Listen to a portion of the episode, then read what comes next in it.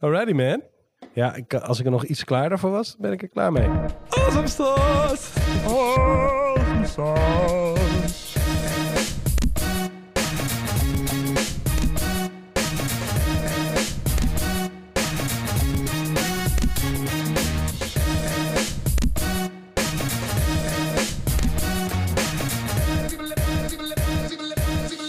Bij een nieuwe aflevering van De Geldvrienden. Een podcast voor onze vrienden waarin we de geheimen delen die van jou een financiële eindbaas maken. Wij vechten tegen iedereen die je qua geld naait. Dat is dus inclusief je onderbewuste zelf. Tegen iedereen die denkt dat een financieel vrij leven alleen voor de grootverdieners en workaholics is weggelegd. Yes! En bedankt voor de reviews en de beoordelingen in Apple Podcast, eh, vrienden. Want het is echt... Jullie zijn de beste. Awesome sauce. Echt super vet. dat is echt een lekkere awesome sauce die je daar deed, man. Ja, dankjewel. Ik da- Als je- denk, ik voel me weer eh 20, dus 2010. Ja? Ja, dan voel ik me 30. Oh, nou ja, dat is wel eerlijk. Dat is, eh, Ja. ja, nee, heerlijk man. Echt, eh, we zijn er weer. Nieuwe podcast, 1998. Ja. eh, nieuwe, nieuwe topic, nieuwe content. We hebben mooie vragen. We hebben mooie... ja, we gaan jullie weer blij maken vandaag. Zeker. Jij, jij kwam eh, deze week, zoals wij elkaar de hele tijd plat appen met allerlei, eh, allerlei informatie, leuke stukjes, eh, dingen waar we het een keer over moeten hebben. Er zitten altijd vol ideeën. Maar deze week stuurde je mij een, een update. En het is een, een- dat is voor heel veel mensen denken, ja, so what? Maar wij vinden dat echt fantastisch. Over, ehm, over de 4% regel. Yes, de safe eh, withdrawal rate. De safe max. Of, eh, Safe max. Komt wel een stuk makkelijker je bek uit. hè? Zo, Safe dat max. struikelwoord is dat, hè? Bob. Safe, safe withdrawal rate. Ja, safe with the ratters. Ja, daar hebben we het natuurlijk al gehad eh, in onze eerdere aflevering, aflevering nummer 6. De Safe with the Ratters. Eh, ja, dat ging over wat een veilige percentage is wat je kan opnemen van je vermogen, zodat jij kan stoppen met werken of minder kan gaan werken, maar dat je Juist. vermogen niet kleiner wordt eh, en zelfs een beetje groeit. Ja, precies. Dus eh, je hebt een, een x-bedrag. Eh, je kan een bepaald percentage daarvan opnemen, zolang je wil, theoretisch dan. Want het is natuurlijk gebaseerd op, op feiten uit het verleden, niet uit de toekomst. Die kennen we niet. Yep. Maar ja, goed. Daar hebben we het al eerder flink uitgebreid over gehad. Nogmaals, voor wie het nog niet geluisterd heeft, is daar podcast over de Safe Withdrawal Waters. Eh, heel geschikt voor. Ja, eh, Ehm, ja, en, en ehm, ja, er is wat nieuws rondom die, ehm, die 4% regel. hè? Ja, ja want die William Bengen, die eh, eh, ja, quote-unquote uitvinder daarvan, die eh, is eigenlijk, heeft hij gezegd van ja, die, die 4% regel, dat is een beetje is een eigen leven gaan leiden. En, het is Ja. niet, en hij heeft een keer al eerder al geüpdate dat het niet 4% is, maar 4,5%. En hij benadrukt dat die 4% eigenlijk een soort worst case scenario, eh, scenario is. Dus Ja. dat het gemiddeld genomen een stuk hoger ligt. En hij zegt nu, of hij gaat zelf ook uit, eh, want hij is volgens mij bij pensioen, eh, gaat hij uit van 5%. En hij zegt het gemiddelde is zelfs 7%, wat veilig is Ja. om op te nemen. Dus dat is nogal een verschil. Ja, zeker. Ja, we staan, we staan natuurlijk nu ook... Nu zijn dat soort gemiddelden natuurlijk allemaal wat mooier. Omdat we op de hoogste koers aller tijden staan, zo'n beetje. Tenminste, op de beurzen waar hij naar kijkt. Namelijk de Amerikaanse beurzen. Mhm. Yes. Ehm, zou je misschien niet denken als je de nieuwsberichten volgt en als je weet dat we op dit moment, op het moment dat we dit opnemen in ieder geval, midden in eh, de tweede golf corona en, onze, en, een, en een, nou ja, bijna lockdown zitten. Ja, heel oktober, hè? Locktober? oh ja, mooie naam. nou ja. ja, het wordt ook, eh, hoe zeg je dat, hoe zou je het met november doen? Gaat niet werken, hè? Ja, November of zo, zoiets. Ja. November, ah ja. en december. Oh, die had ik niet bedacht. Die is leuk. Ja. Bereid je er maar voor, we gaan helemaal gefukt doen deze, dit najaar. Het is donker, het is koud, het is eh, saai en je gaat je familie haten. ja, voor als je altijd niet deed, nogal niet deed. Ja. Maar ehm, ja, nee, goed, de beurzen die staan dus op all-time highs. En, en natuurlijk is het dan zo dat dat dan achteraf blijkt dat je nog veel meer had op kunnen nemen. Maar als je dus eh, de afgelopen 25 jaar het gehouden had bij de Bengen-regel... en je had dus altijd 4% van je vermogen opgenomen... Mhm. dan was je vermogen nu hetzelfde als dat het 25 jaar geleden was. En waarschijnlijk meer. Ja, zeer waarschijnlijk meer. Ja, want dat is de Bengen-regel. Hè? Eigenlijk of je nog iets over hebt na 25 jaar. 30 toch? Geldt er... De, eh, 30 jaar, pardon, ja. Na 30 jaar eh, een bepaald bedrag opnemen. 4% dus van het bedrag. Elk jaar opnieuw. Zou je 30 jaar lang moeten kunnen doen met je vermogen. En normaal gesproken is het zelfs zo dat je vermogen daar dan niet eens aangetast raakt. Laat, eh, eh, sterker nog, meestal groeit het zelfs. En daarom is, is voor een defensieve 4% gekozen. Ja. Maar als je in de afgelopen 30 jaar 7% had opgenomen, dan had je nog steeds hetzelfde bedrag op je rekening gehad. Ja, dat, Hoe lekker is dat? ja, dat verschilt flink, jongen. Dat, want, want 1% opnemen op, in ieder geval op zo'n groot bedrag, hè? Op een miljoen, Ja. bijvoorbeeld 1% op een miljoen, hallo. 10.000 Ja. euro, hè? Zo. Ja. Ja, en als je daar dus 7% van mag opnemen, mag je dus ieder jaar 70.000 euro opmaken. En dan kost het je geen fuck. Dan blijf je dat gewoon, het- je miljoen blijft er gewoon staan. Ja, gecorrigeerd voor inflatie ook nog over al die tijd. Het is mooi. Het Ook nog, Het is mooi, het is mooi. Ja, maar dat betekent precies. dus eigenlijk dat... st- Stel, we, we kijken naar die nieuwe... eh, die, die, die, dat verhoogde percentage. Jij hebt allemaal doekoe op je bank. Kan je dan niet gewoon nu al stoppen? Ja, ik zit daar serieus over na te denken. Van, kan ik dat? En ik vind het, het antwoord is eigenlijk nee. Ik vind het nog een beetje eng. Mhm. Eh, maar, maar die struggle, die, daar neem ik je graag in mee. Want ehm, misschien ben ik te voorzichtig. Dat kan best. Maar ik vind het op dit moment wel spannend om dat al te doen. Ehm, ja, ik heb, als ik eh, van het geld dat ik over heb gehouden na het verkopen van mijn huis, Mhm. als ik daarvan ieder jaar eh, niet 4%, maar zij heeft hem dus verhoogd naar 5%. Dat zou nu dus 7 max zijn. Als ik daar ieder jaar 5% van opneem. Nou ja, dat is dus de overwaarde plus nog wat, eh, wat, wat ander geld dat ik nog had. Dat is ongeveer 2 ton. Eh, dus dan die 5% daarvan, dat is gewoon 10.000 euro. Kan ik leven van 10.000 euro? Nee, ik niet. Er zijn misschien mensen die het kunnen. En de meeste mensen hebben er veel meer voor nodig. Maar 10.000 euro netto is wel een heel aardig begin. Ja, Ik zou er wel voor kunnen kiezen om precies zo te blijven wonen en leven, et cetera, als ik nu doe. En dan ook nog wat bijverdienen. Dus eigenlijk gewoon, zeg maar, ja, weinig werk doen. Weinig betaald werk doen.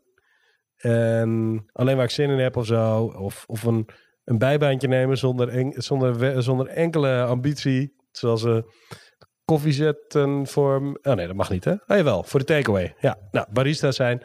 Dat heet dus dan ook de Barista Fire versie. ja, Nou, ja. eh, ze 800 of 1000 euro per maand eh, bijverdienen. Dan zou ik dat kunnen doen nu. Alleen het nadeel is, eh, waar ik even nog geen rekening mee heb gehouden, is A, dat ik, dan ben ik opeens wel pas 42. Mhm. Eh, want dat is over 30 jaar ben ik dan 72. Nou ja, dan moet ik over die, dan moet ik, zodra ik een jaar of 70 ben, moet ik nog steeds wat bijverdienen. ja, heb je, Dat vind ik je niet. hebt toch ook pensioen, een AOW? eh, Nou, pensioen heb ik amper, AOW heb ik wel. Maar ja, wie zegt dat het er dan nog heel goed uitziet, zo'n AOW? Ja. ja, dat is de vraag. Wie vertelt mij hoe, eh, hoeveel AOW ik dan krijg? Misschien eh, is er, wel- wordt er wel een of andere regel ingesteld dat als je vermogen hebt, dat je geen AOW krijgt of zo. Of ehm, misschien, wordt, misschien krijgen we wel hyperinflatie, waarbij dit, waarbij dus die, want daar is Bengen ook zelf bang voor, waarbij die, eh, die 4 of 5 procent regel niet blijkt te werken. Misschien gaat de beurs wel gewoon 30 jaar niet omhoog, maar omlaag. Misschien gaan we dat voor het eerst in ons leven meemaken. Ja. Het kan, hè? Ja. Dus ik vind het allemaal een beetje te spannend nog. Omdat ik vind dat ik te weinig, te weinig ruimte heb, te weinig lucht, te weinig buffer om dat gewoon te kunnen. Dan zou ik het liever doen als ik een paar jaar verder ben. Want dan hoef ik er minder jaren van te leven. Mhm. En eh, natuurlijk in de tussentijd ook gewoon mijn, mijn, eh, mijn, mijn waarde, mijn netto-waarde verhoogd heb. Want dan, misschien als ik die netto-waarde in de komende vijf tot tien jaar ehm, kan verhogen met 10.000 euro per jaar. Ja, helemaal niet zo'n hele gekke aanname met lage kosten. En Nee, als, ik, ja. als ik flink doorwerk, dat, dat lukt mij. Doordat ik gewoon, eh, doordat ik mijn kosten laag haal. En eh, ja, als ik goed in mijn freelance klussen zit, dan, eh, dan kan ik dat. Ja, dan, dan, heb ik, dan, heb ik, dan heb ik misschien wel over tien jaar bijvoorbeeld, ik noem maar wat hoor. Als ik het nog tien jaar lang leuk vind allemaal. Misschien heb ik er over tien jaar dan wel een ton bij. En ben ik ook tien jaar ouder. En dan kan ik op een hele, dan kan ik met een veel geruster hart kan ik stoppen. Daar heb ik eigenlijk nog niet eens een vreselijk veel opgebouwd. Er zijn veel mensen die veel meer hebben. Maar ik kan daarvan leven, dat weet ik zeker. En dan, dan ga ik met een echt gerust gevoel weg. Dus ik durf nog niet. Nee, durft Misschien niet, de- ja. Maar misschien kan ik het wel. Ja, Het ja. is wel een lekker idee dat het met een beetje hangen en wurgen... dat ik het waarschijnlijk wel zou kunnen. Het is wel, maar het geeft wel gewoon eh, eh, voer om over na te denken. Eh, het opent Ja. in heel veel allemaal, allemaal deuren. En wat wel interessant is, wat we zijn vergeten, denk ik, is om even te zeggen waarom dan die 4% naar die 5% is gegaan. En jij noemde het al, jij zei Bengen is bang voor hyperinflatie. En een van de redenen waarom eh, het, die je meer kan opnemen, is dat de inflatie best wel is achtergebleven. Dus waar we historisch gezien wat meer inflatie zagen, eh als je zo gerust 3, 4, 5 procent inflatie van vanaf de jaren 70 geloof ik eh, is dan een tijdje geweest. Dat best wel hard drukte als je eh, ik weet die jaartallen niet precies hoor, dus daar moet je niet vastpinnen. Maar stel dat je eh, een jaar later in één keer 4% minder van je euro kan kopen. Of, eh, dat is best wel flink. En het is de laatste jaren wel meer teruggelopen. En wat die nu, waar die bang voor is, is dat de overheid nog meer, met name de Amerikaanse overheid, de, de, de Fed en de, de Treasury, dat die gaan proberen de inflatie te, te verhogen. Dus ze proberen de economie zodanig te stimuleren dat je daarmee een soort, ja, ze, ze, ze- ze pompen de markt vol met lucht, om het zo te zeggen. Ze, ja, dat zegt die inflatie. Hè? Dat is echt letterlijk eh, het oppompen van Ja. lucht, waardoor je uiteindelijk de andere kant doorschiet en eh, hyperinflatie nou. krijgt. Ja. Het is wel zo dat de plannen zijn om de inflatie omhoog... eh, echt, echt inflatie te, te stimuleren Ja, voor in, eh, in. Amerika. Ja. Ja, dus echt gewoon om, om je stimulatie, inf- eh, inflatie stimuleren voor groei. En, en ondertussen lopen die schulden maar hoger op en hoger op en hoger op. En ik snap dat die inflatie een functie heeft. En dat het, maar het, eh, het verleden heeft al bewezen dat op het moment dat je inflatie moet proberen te stoppen. Dat als, die, als, die, als het eenmaal, die geest helemaal uit de fles is, dat het, eh, ja, dat, dat echt een ongelooflijk eh, zware, pijnlijke operatie is. Want dat er is maar één manier om dat goed te doen. En dat is de rente gigantisch verhogen. En als je dat doet, dan gaan, de, dan gaan koersen op de beurs omlaag. Dan gaan investeringen omlaag. Omdat geld, geld lenen wordt dan duurder. Ja. Dan is opeens al je groei weg. Gaan je huizenprijzen kukelen in elkaar. Investeerders gaan misschien wel failliet. Eh, echt, het is echt een, een... Dat is best wel een, een, eh, pijnlijke situatie. En dan, wat je dan kunt krijgen... In het verleden is dat in ieder geval wel eens gebeurd. Is tegelijkertijd een eh, terug... eh, een, een teruglopende economische groei. Vaak een negatieve groei, krimp. Mhm. ja. Tegelijk met hoge inflatie. Want die is er dan nog. Nou, moet je nagaan, dat Lukt is namelijk- killing gewoon, is dat. Het lukt dus niet meteen. Dus dan heb je en dat je geld minder waard wordt en dat er geen groei is. Ja. Dus dat heet dan stagnatie en inflatie bij elkaar. Dat is een prachtig eh, mooi woord. Stagflatie. Stagflatie. Hey, dat Ja, is een mooie mooi, hè? titel. De stag, Lekker, stagflatie. Ja. Stagflatie, ja. Ja, het is een mooie titel, maar ik denk wel als we deze podcast stagflatie noemen, dat alleen maar economen gaan luisteren en zo. Nou, dat willen we juist verbe- Nee, willen we niet, want die gaan ons verbeteren. En we zijn natuurlijk, we zijn natuurlijk een beetje huis- en keuken-economen. Maar eh, het is wel handig om even na te denken over dit soort dingen. Bij al je aannames. Want er wordt altijd gewoon standaard aangenomen dat 4 of 5 procent groei ehm, ja, haalbaar is voor 30 jaar. En dat is het normaal ook. Maar er zijn scenario's denkbaar dat het niet lukt. Tuurlijk, ja, die, En- die zijn er gewoon. En Ja, we hebben geen glazen bol. Ja. Ja. Nee. Weet je, als het gebeurt, dan is de shit aan. Ja. het is wel zo dat van de vorige vijf crisis de 50 zijn voorspeld. Hè? ja, dat blijven we ook herhalen. Dus, eh, Ja. Je hebt altijd doemdenkers, hè? dat is wel mooi. In alles. Is, Ja. Eh, kijk, wat nu ook met al die complottheorieën. Dat zijn eigenlijk ook gewoon doemdenkers. Die, die vinden dat eh, Ja. ja, niks klopt en alles is, alles is fout. Zeg, Ja. ja. Weet je hoe die doemsdenkers zichzelf noemen? Nee, Die, die mensen die dus 9 op de 10 keer fout zitten. Nee. Weet je hoe die zichzelf noemen? nee. Realisten. Nee joh. Realistisch, realistisch een... eh, oh, wat is het ook alweer? Realistisch een... eh, is een pessimist die nog niet weet dat hij een pessimist is of zo, toch? Zoiets? ja, ik weet niet meer precies. Oh ja, dat is lachen. Je zegt dat weer helemaal verkeerd volgens mij. Ja, maar dat doe ik altijd. Ik, ik, ik heb zelfs een tijd lang... eh, kijk wel pas uitgezegd. Nou, dat is ook echt... dat is ook verkeerd, maar dat, eh, ja, dat soort dingen Oh ja, ik heb je die gezegd? Ja, ja, regelmatig. Hm. Het komt omdat ik het eerst bewust dan fout doe... en dan daarna niet meer uit mijn systeem krijg. Nou ja. Ja, ik ben dus echt vijf jaar geleden ben ik pas een keer door- iemand gewezen op het feit dat ik altijd. Daar irriteer ik me aan. Nee, daar erg ik me aan. Dat is echt, daar kan ik me zo aan er- irriteren. maar dat is dus echt, dat is algemeen beschaafd Amsterdams. Ja, ja. Dat heerlijk. Heerlijk, heerlijk. Maar goed, die, die, we moeten dus... We gaan, wij zijn een beetje, ergens een beetje in ons achterhoofd bang voor die ontembare leeuw van de, van de stagflatie die er kan gaan komen. Ja. Ehm, maar ik vond het wel een, een leuke om dat we het eerder gehad hebben over hoeveel geld heb je dan nodig. En toen heb ik ook aangegeven van nou, ik vind dat wel een uh, ja, vrij uh, een lastige om, om te bepalen. Omdat het voor mij in mijn leven best wel veel verandert. En ik, ja, met een kind, uh, trouwen, kind, nieuw huis. En dat je gewoon op... Misschien nog wat kinderen. Ja, ja ik hoop het, als dat lukt. En dat je een beetje zoekende bent van... Wat, ja, hoe ziet, je dat, hoe ziet dat leven eruit zonder werk? Want, ja. Maar het is wel een leuk gesprek. Uh, het is eigenlijk een doorlopend gesprek wat we hebben. Ja. En ook, ook andere vragen. Hè? Want wat, wat ik bijvoorbeeld ook, wat mij opvalt, is dat je ziet dan van die programma's, weet je wel, dat best bekeken programma van Nederland na Boer, is, Boer zoekt vrouw, is volgens mij dat programma waarbij die oudjes met caravans op pad gaan, of nee, campers. Mm, ja. Ik ben elke keer de naam van het programma kwijt. Uh, ik weet... Tot ziens, we komen terug, uh, tot snel, zoiets zeggen. Benidorm Bastards, weet ik veel, zoiets. Nee, ja, zoiets. Maar het zijn, het, het zijn in ieder geval oude mensen, die, zitten, die hebben dan onze camper gekocht en zo.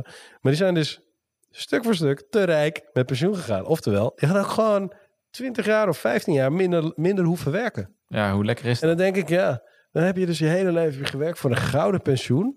En dan ga je er pas van genieten. Zodra je al um, eigenlijk al bijna.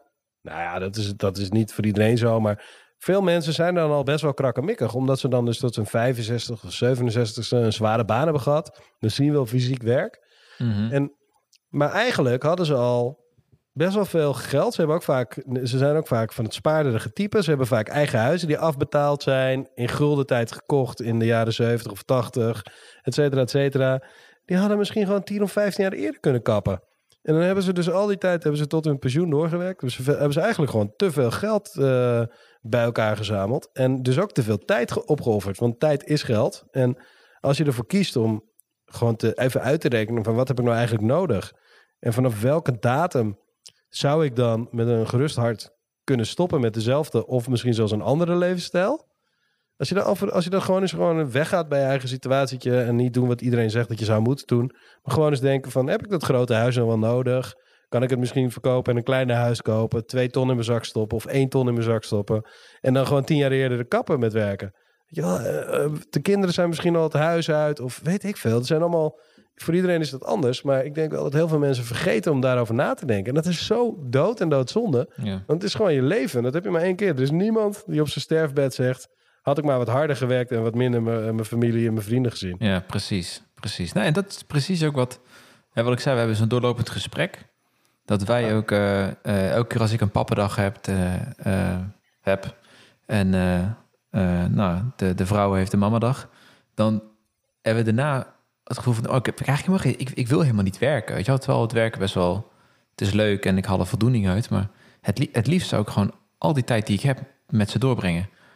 En dat is misschien ook een beetje omdat nu is, je hebt net een kind, uh, net een nieuw huis, uh, ik voel me fit. Ik, uh, nou ja, slaapdeprivatie is overigens echt wel de duivel, kan ik je vertellen.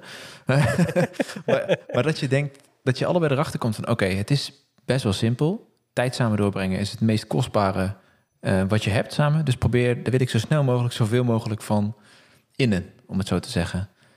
Ja. En uh, ja, ik, dat zit je ook met een tweestrijd van ja, ik wil wel lekker wonen, ik wil een soort van grote leefruimte hebben, maar ja, ik wil ook niet uh, krom liggen voor, je, voor mijn hypotheek. Ik wil het gewoon ruim op één salaris uh, kunnen betalen allemaal qua lasten. En dat zijn allemaal van die, van die tegenstrijdigheden. Terwijl als je dan kijkt wat het daadwerkelijk belangrijk is in het leven, alles wat ik wil doen kost nagenoeg geen geld.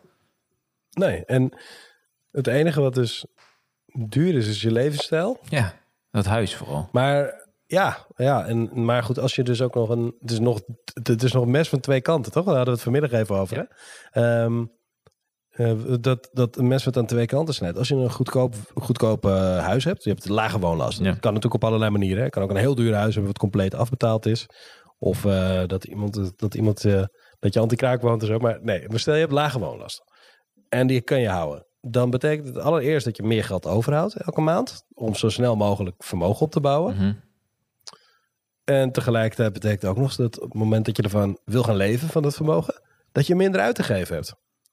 Dus dat soort dingen, dat soort het laag houden van je kosten, dat werkt gewoon vanaf de dag dat je het doet, eigenlijk twee keer voor je. Ja, ja dat, dat is een heel mooi mechanisme.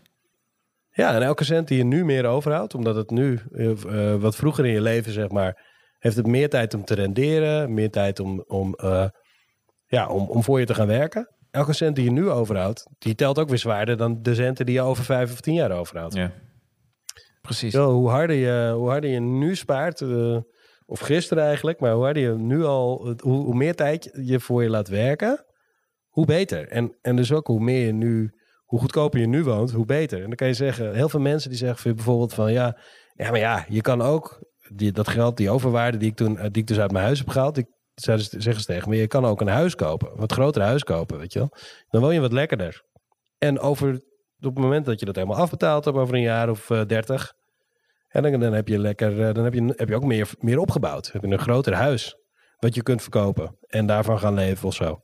Ja, zo is dan zeg ja, ja, dat is misschien wel waar, maar dan heb ik wel vanaf vandaag tot over 30 jaar uh, de verplichting om 500 of 1000 euro per maand meer, te, uh, meer in mijn huis te stoppen. En dus ook meer te verdienen. Precies. En, en dat, dat, dat kost mij gewoon vrijheid. Dus waarom zou ik dat nu doen? Ja, die, het, het is echt wel eens vervelend dat ik, uh, dat ik moet besluiten om um, bepaalde gewoon bepaalde dingen gewoon niet te kopen, omdat ze eigenlijk gewoon niet goed in het huis passen, die ik wel zou willen hebben. Uh, maar ja, dat, dat is dan maar zo. Ja, een indoor uh, tennisbaan gaat niet lukken. Een indoor tennisbaan gaat niet lukken. Nee, een pingpongtafel past ook eigenlijk niet. ja, ja. Nee, er is echt absoluut geen, geen kamer voor over. Maar ja, er zijn, er, zijn, er zijn genoeg momenten dat ik denk, ja, het mag allemaal wel wat groter. Het mag allemaal wel wat moderner. Uh, ik zou ook best wel ik, ik hoef ook niet per se. Ik weet ook niet zeker of ik deze, mijn hele leven in deze buurt zou willen wonen. Mm -hmm. uh, misschien zou ik. Dat zijn allemaal dingen die ik misschien wel iets anders zou willen.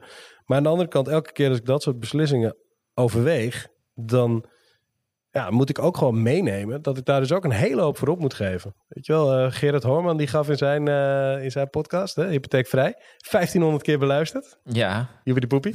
uh, die meer. Gaf, hij ook aan, gaf hij aan dat hij, oh ja, meer al, wauw.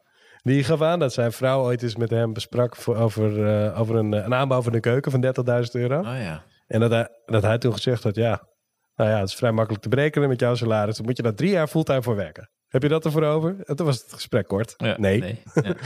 Ja, ja, nou ja, zulke afwegingen. Kijk, je moet jezelf ook niet... Het is ook wel een beetje lastig, want je moet jezelf natuurlijk niet alles ontzeggen. Omdat het om geld gaat of zo. Nee. Maar wat is, het is elke keer de afweging tussen vrijheid of luxe. En elke keer als je meer luxe wil, kost het je over het algemeen vrijheid of geld. Ja. ja dat, is, dat is Ehm, continu een balans. Want elk, op verschillende momenten in je leven heb je andere uh, behoeften. Ja. Ik zou heel goed tiny En- kunnen wonen, maar niet eh, als ik nog drie kinderen wil. Daar ga ik, daar Ja. ga ik er niet aan beginnen. Nee, nee, dan zeker niet. En, en ook dat zijn allemaal weer afwegingen. Dus eh, ja, het, kortom, we zijn nog steeds aan het struggelen hier. Hè? Eh, de, de beslissing is niet genomen. Gelukkig is er nog genoeg energie en hebben we allebei nog volgens mij genoeg zin om, om het werk te doen wat we, wat we op dit moment doen. Dus dan is het ook geen hele urgente beslissing. Kijk, als je je werk echt helemaal zat bent en je, je zit echt tegen een burn-out aan, dan wordt het misschien een andere beslissing. Maar ik vind voorlopig alles wat ik doe eigenlijk gewoon al best wel vet. Ja. Precies. Ehm, ja, dus dan is, het ook niet, dan is het ook weer een makkelijkere beslissing. Maar het antwoord op eh, durf je nu al of kun je nu al een stapje terug doen? Ja, voor mij is het nu nog nee. En misschien ben ik te voorzichtig. Ja. Dat, weten we pas achteraf. Precies. Nou, we gaan het achteraf, eh, achteraf ook al zien, joh. Anders... eh, ja. Ja, maar het is wel leuk. Jij, jij hebt ook je eigen, je eigen struggles in dat, in dat opzicht. En ja, soms is het antwoord ook gewoon, ik weet het nog niet, weet je wel. Ja, en ik vind het ook al, ik vind het ook een prima antwoord. Maar nee, dat is sterker nog, dat is vet goed. Want iedereen wil overal maar een mening over hebben. Over alles. Terwijl, weet je, wetenschap ook. Heel vaak is wetenschap gewoon... Ja, we weten het niet. En hoe krachtig Mhm. is het als je... eh, gewoon super degelijk onderzoek ergens naar doet... of van een vaker gesprek hebt. Je bent... zit, het is altijd op een, een gestructureerde manier... is het onderdeel van, jou, van jouw leven. En het antwoord is, ik weet het niet. Dan weet je toch ook gewoon dat je het niet weet. Dat is toch prima? ja, precies. Dus de stelling niet bewezen. Ja, En, eh, dus het is eigenlijk, we weten het niet, schap.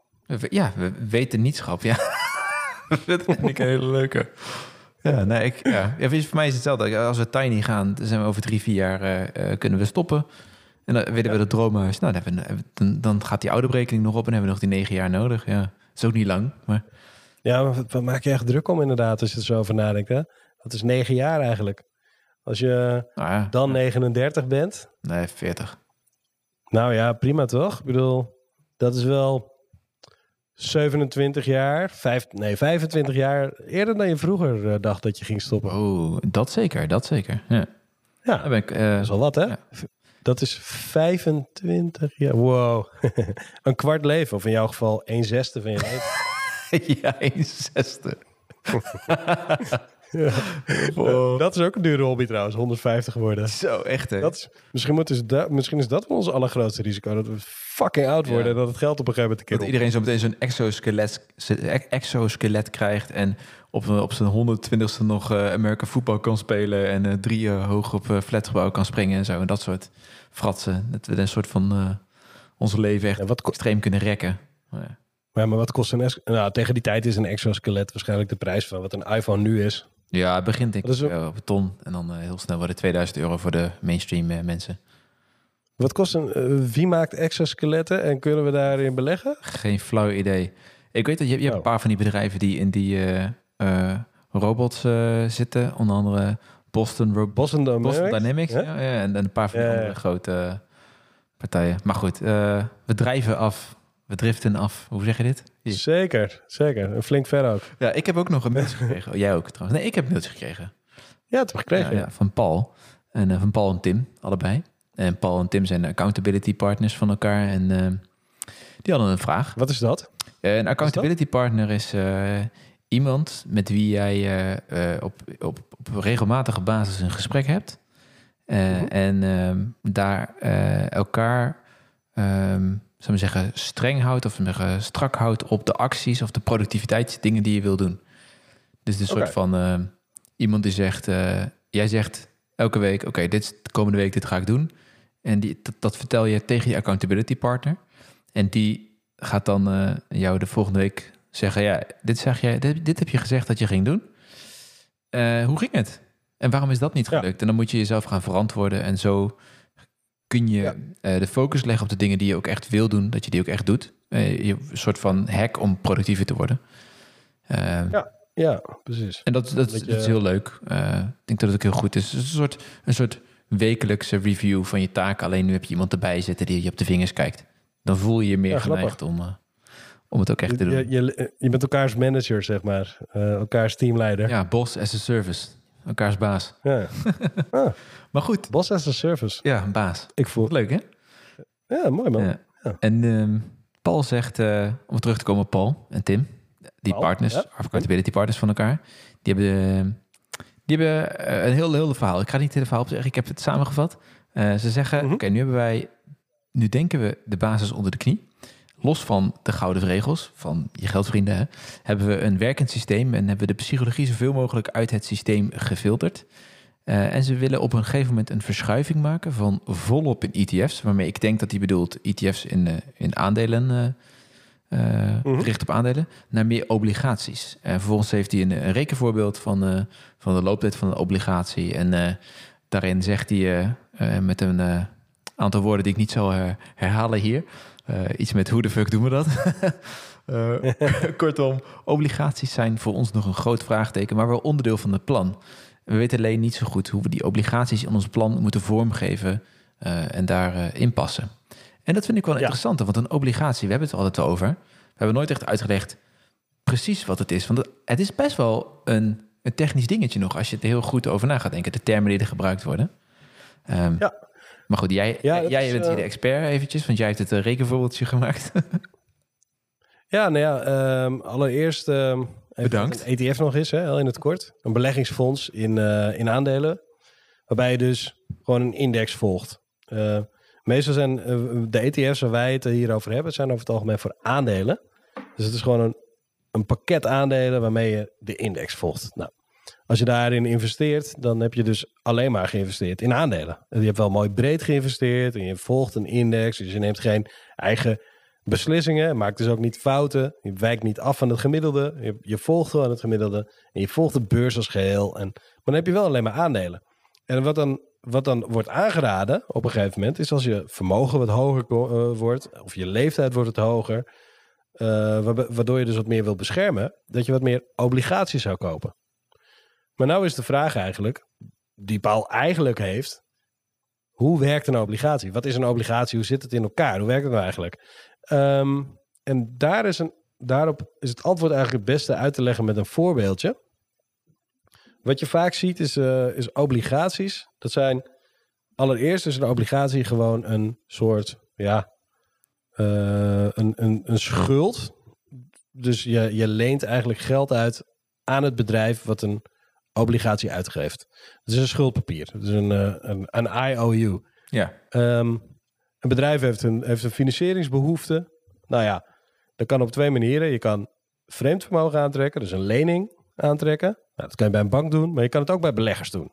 En de andere manier is dat je beleggers een stukje van je bedrijf verkoopt en dan zijn het aandelen. Ja. Maar die obligatie is dus een lening. Dat zit in, het leningen, het zit in de leningensfeer.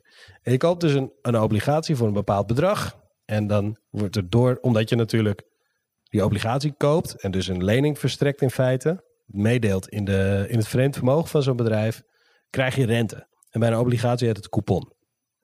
En dat ding heeft ook vaak een afloopdatum. Dus die loopt bijvoorbeeld voor 10 jaar. Mm Ja.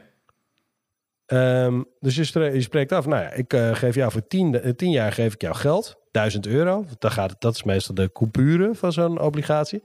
En over 10 jaar is het aflossingsdatum. Dan, dan geef ik jou dus die obligatie terug en dan krijg ik mijn 1000 euro terug. Ja. En in de tussentijd krijg ik er geld voor. Krijg ik rente, coupon. Nou, um, dat zou, het zou bijvoorbeeld kunnen betekenen dat je ieder jaar 5% coupon krijgt op een obligatie. Dus we krijgen 10 jaar lang 5% op die 1000 euro, dus 50 euro, ieder jaar krijg je erbij. Mm -hmm. Dat wordt uitgeke uh, uitgekeerd als coupon. Dat betekent dus dat je, um, ja, dat, je dat, dat die obligatie uh, veel meer rente geeft dan een spaarrekening. Ja. Want op dit moment is je spaarrekening, levert je ongeveer 0% op. Ja, 0,001 of zo. Ja, Weinig. er staat wel tegenover dat, dat degene van wie je dat, die aan, aan wie je dat geld geleend hebt, is in dit geval dus niet uh, bijvoorbeeld de ABN AMRO Bank of de ING. Nee, want daar, daar staat jouw geld als op je spaarrekening. Maar in dit geval is dat bijvoorbeeld het bedrijf, uh, het bedrijf um, Ahold of zo. Mm -hmm. of, of nog veel kleinere bedrijven. Maar je neemt een risico op, uh, op het bedrijf. En als het dus met het bedrijf minder goed gaat, dan, uh, ja, dan dat, dat, is, dat is dus een risico wat je neemt. En als het met het bedrijf minder goed gaat, dan zou het kunnen gebeuren dat, ze, dat je je geld niet terugziet. Ja, dat is stom. Dus je neemt een veel groter risico dan op een spaarrekening. Een spaarrekening is namelijk gegarandeerd tot in ieder geval een ton door, de, door vadertje staat. Uh, dat is bij een obligatie niet. Daar kies je zelf voor. Jij neemt meer risico, krijg je ook meer, meer rente voor. Maar als die rente zoveel hoger is dan op een spaarrekening, dan is het voor beleggers dus ook meer waard om zijn ding te hebben. Ja, ja tuurlijk. En soms stijgt daardoor de waarde van die obligatie. Dus als, de, als het verschil tussen de coupon op de obligatie en de spaarrekening groot is, dan kan het gebeuren dat die obligatie ook in waarde gaat stijgen. Dan zeg ik als belegger tegen jou, jij hebt bijvoorbeeld dat ding, mm -hmm. zo'n obligatie, die is die staat, uh, die heb je een keer gekocht voor 1000. En dan zeg ik, nou, ik wil je er eigenlijk wel 1100 euro voor betalen. En dan betaal ik 10% meer voor die obligatie. Dat betekent dat ik nog steeds, uh, nog steeds gewoon de komende jaren 5% krijg. Plus ik op aflosdatum krijg ik dat ding terug. Maar ik heb dus wel, ik heb daar wat extra voor betaald. Twee, je hebt twee jaar rente betaald eigenlijk. Coupon. Ja, ja, en dat, die, die, die, die, die 10% die ik te veel heb betaald, voor die obligatie die 1000 euro waard is, heb ik 1100 betaald. Dat heet aflosverlies. Af, aflosverlies. Um, ja. Ja, aflosverlies. Op het moment dat de aflossingsdatum komt, krijg je de waarde van die obligatie terug, dus 1000 euro. En die die andere 100 euro die ik jou betaald heb, Ik kwijt. die heb jij lekker in je zak gestopt. En dat is ook meteen jouw winst. Ja, ja, ja. Dus zo heb jij er wat aan verdiend. Zo heb ik er wat aan verdiend. En ehm, ja, dat komt gewoon omdat die obligatie meer waard is geworden. Nou, hartstikke mooi. Ik heb nog zelf nog 40% eh, gekregen. Want namelijk die 50% min die 10 die ik te veel heb betaald. Maar dat is, dan, dat is dan je opbrengst. Maar ik heb daar ook een risico voor genomen. Want die obligatie die kan, die kan, ook, die kan ook dalen. Bijvoorbeeld omdat het slecht gaat met het bedrijf. Mhm. Als vertrouwen weggaat, dan daalt de waarde van die obligatie op de beurs. Hij kan, zelfs nee, hij kan dus ook onder die 100% zakken. Die waarde van die obligatie die kan naar 800 euro gaan of naar 300 euro. Eh, dat kan gewoon. Mhm. Eh, dus dat risico neem ik. En dat kan natuurlijk gewoon zo zijn dat het bedrijf helemaal overga- eh, niet meer overgaat tot uitbetaling. Omdat het gewoon niet goed gaat met het bedrijf. Kan dat? Want dat klinkt een beetje als... eh, ja, ik- ja, Ja, dat, als dat kan theoretisch. Net zoals dat een, een, een aandeel naar nul. eh, een aandeel gigantisch kan zakken. En zelfs een bedrijf kan failliet gaan. Ja. En dan krijg je niks. Maar als, die, als zo'n obligatie daalt, ehm, die, die coupon blijft dan hetzelfde, toch? Je krijgt 5% Eh, van de Ja. intrinsieke waarde. Ja, normaal wel. Alleen is het vaak zo dat er voorwaarden zijn waar die obligatie aan voldoen moet. Dus als bijvoorbeeld het bedrijf echt diep in de financiële shit komt, Mhm. dan kunnen ze. Dan, dan zou het kunnen dat ze het coupon kunnen schrappen. Dus dan geven ze geen rente meer. Klinkt een beetje als dividend. Ja, het is ook een beetje zo. En bijvoorbeeld Rabobank, eh, die werd op een gegeven moment, die is gestopt met het uitgeven van de. Ja, van de Van, Rabo-certificaten. Precies, Ja. daar kreeg je op een gegeven moment je, je betaling niet op. En dat is meer dan 6% per jaar. ja, dat was dit jaar, je toch? voorstellen. Dit jaar, eh, Ja, dat is dit Ja. jaar nog. Omdat, eh, omdat Mario Draghi vanuit Europa had gezegd... van nou, banken mogen even geen dividend meer betalen. En omdat dit dus lijkt op dividend... en de Rabobank zit een beetje gek aan elkaar, die obligatie van hun. Maar ehm, omdat het op elkaar lijkt... heeft de Rabobank toen ook besloten dat niet meer te betalen. Omdat ze anders ook gedoe zouden krijgen met de Europese Centrale Bank. En daar wil je geen gezeik mee. mhm. dus die hebben dat gewoon geschrapt. En ja, dan zag je natuurlijk dat de koers eh, van die obligatie ook gigantisch onderuit ging. Ja. Ja, ja. En mensen Ehm, ja, neemt dus een risico op de, op de Rabobank. Hm. Maar is het, Als je dat ding. Ja, en ik, ik heb altijd geleerd, in ieder geval althans, eh, geleerd, eh, lang geleden, dat een eh, obligatie bijna altijd een, eh, eh, staatsobligatie is. En be- dat bedrijven niet heel veel obligaties uitgeven. Hoe weet jij die, Nou, er zijn, ook, er zijn ook genoeg bedrijfsobligaties. Maar inderdaad. de verhoudingen ervan dan? Nou ja, staatsobligaties zijn gewoon. ehm, ja, die behoren eigenlijk. Er wordt gewoon gigantisch veel. Weet je wel, die, die begrotingstekorten en zo waarvan waar je allemaal over hoort. Mhm, Ja. Ja, dat wordt gefinancierd met obligaties. Dus je kunt je voorstellen dat het echt. dat elke, elke regering in de wereld. heeft, eh, heeft ehm, ehm, miljoenen miljarden aan, eh, aan die obligaties, staatsobligaties uitstaan. ja. En het is ook nog zo dat regeringen over het algemeen niet failliet mogen gaan. Zelfs Griekenland mocht niet failliet gaan. Ehm, en, en dus hebben die obligaties een heel, een heel betrouwbare ehm, ehm, schuldenaar. En dat is namelijk de, de Nederlandse of de Amerikaanse of de Duitse overheid. Dus daarom zijn ze zo Dat veilig. neemt- daarom zijn ze zo veilig en daarom krijgen er ook haast geen rendement op. Heel weinig rente krijgen op die obligaties. Ja. Die, ze zijn ook vaak niet tien jaar durend, maar eeuwigdurend. Dus dat is ook niet zo dat je dus nog een aflossingsverlies krijgt. Ehm, en over het algemeen is het, is het reële, effectieve rendement wat je daarop krijgt.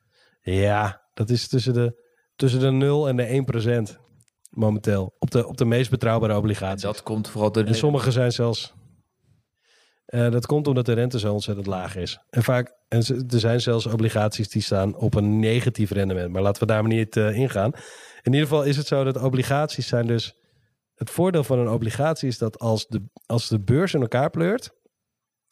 Staatsobligaties dan. Die zijn over het algemeen. Op dat moment gebeurt er niets met de waarde van die staatsobligaties. En vaak zie je zelfs dat ze een beetje oplopen. Ja, omdat ze worden gezien als een soort veilige haven, toch? Dat mensen denken... Oh, Precies. nu, eh, ja. Ja, dus de hele beleggingswereld trekt dan zijn geld uit de aandelen en die stopt het in die staatsobligaties. En dan het liefste nog de, de, meest eh, liquide staatsobligatie ter wereld, de meest uitgegeven staatsobligatie, de Amerikaanse. Mhm. Terwijl we weten dat Amerika eigenlijk zo viert als wat is, gaat toch altijd al dat geld daarheen. ja, ja. Omdat het is, de, het is, het is gewoon de schuilhaven. Ja, maar dat, en dat is precies ook de kern van de vraag van Paul en Tim. Die hebben het namelijk Ja. over, het, eh, over een, eh, een model van Swenson. Dat is een, eh, ja, Ja. maakt niet uit. Die heeft een bepaald model en daarin heb je een bepaalde percentage, paar allocatie aan ob- obligaties, staatsobligaties Ja. ook. Ehm, en zij willen dus een, op termijn, wanneer zij dus richting pensioen, verwachte pensioendatum gaan, willen zij om deze reden, om die veilige havenreden, dus die omzetting doen naar staatsobligaties. En dit is dus de reden waarom ze dat zouden doen. Ehm, Maar wat je dan dus niet doet, is een obligatie kopen, denk ik. nee, dan ga je meer een fonds. Maar wat je dan...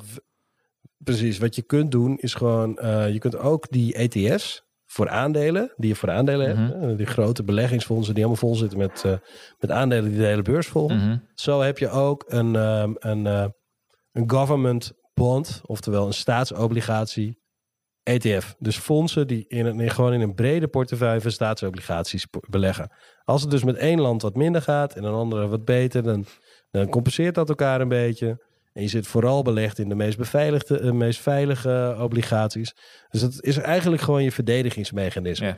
En daarom, en die mix zou je dan ook eigenlijk willen hebben waarschijnlijk. Hè. Je, hebt een, een, je hebt een pakket aandelen die je in één, in één beleggingsfonds koopt. En je hebt een pakket obligaties. En dan kan je, nog, kan je ook nog voor kiezen om...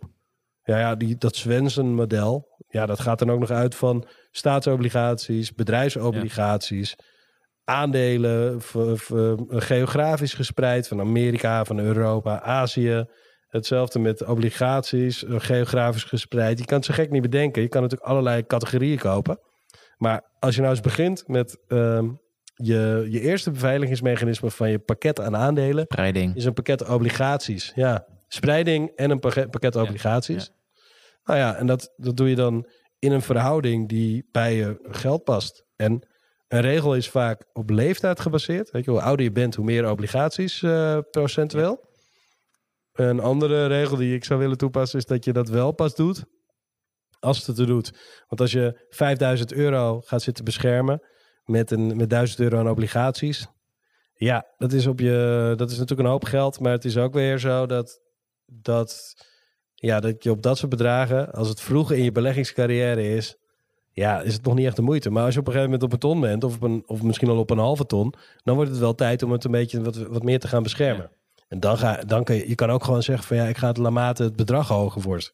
Steeds meer beschermen met, met wat Ja, obligaties. volgens mij is het ook Dat laatste vind ik eigenlijk nog mooier. Ja, ja, precies.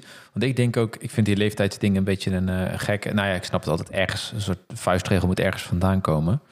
Maar ik heb het gevoel Ja. dat het vooral te maken heeft met hoeveel eh, risico eh, wil je, kun je nemen. Maar wil je nemen, denk ik. En hoe zit je psychologisch in elkaar? Want je hebt echt tal van modellen, van Delio tot Swenson tot weet ik veel allemaal. Ehm, daarin heb je allemaal een andere mix van, eh, nou ja, allemaal verschillende soorten beleggingsproducten. Om ervoor te zorgen dat je zoveel mogelijk, ehm, ja, zo min mogelijk volatiel bent met een zo groot mogelijk rendement. En dat, is, dat vinden Ja. mensen fijn, hè? Dat, het- dat, het niet, dat je portfolio niet op en neer knalt. Nou, ik heb ik al vaker gezegd dat mij maakt het nu niet zoveel uit dat het, dat het echt eh, grote swings heeft.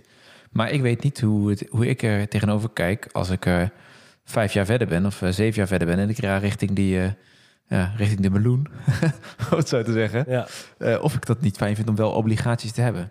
Want als je het puur ja nou ja. rationeel bekeken, hè, die Trinity Study, gaan we weer terug naar het begin van de aflevering, dan weet je dat het, het best, dus best presterende portfolio is bijna altijd, in 99% van de gevallen, is een 100% aandelenportefeuille. En de meest, meest beschermende, dus de meest, met de minst volatiele eh, swings, maar wel met het meeste rendement, is de 75-25 verhouding. Dus 75% aandelen, 25 eh, obligaties. Volgens, die- volgens die studie, hè, dus. Ja. Maar ja, ja, maar ja, je moet, het gaat er ook om op welke datum je uitstapt. ja inderdaad. Als je net, als je net na een crash wil, ehm, als het toevallig zo is dat je je geld, je plannen worden namelijk niet gedicteerd door hoeveelheid geld die je op dat moment hebt, maar je hoeveelheid geld, ehm, ja, is wel, je gaat op een gegeven moment, je kiest gewoon een datum over het algemeen. Van joh, dan wil ik ongeveer eh, eh, stoppen met vermogen opbouwen en het gaan opnemen. Ja. Nou ja, als op dat moment net, je, net, net de crash van, uh, van je leven voorbij komt en je staat 40% lager, en dan baal je wel even. Maar als je dan een portie obligaties hebt, dan is die crash gewoon, komt, de, komt die crash gewoon een stuk minder hard ja, aan. precies. En dat is een beetje het idee van die spreiding. Dus daarom zou ik altijd wel gewoon, zeker als dat meer wordt, echt wel minimaal een presentje of uh, twintig in obligaties willen hebben. Misschien zelfs op een gegeven moment wel wat meer. Maar ja, afhankelijk dus van hoeveel geld je hebt met name. Ja. Ik bedoel, Ja, helemaal eens. ja, voor, ja. En dat is denk ik, eh, het is heel erg eh, afhankelijk.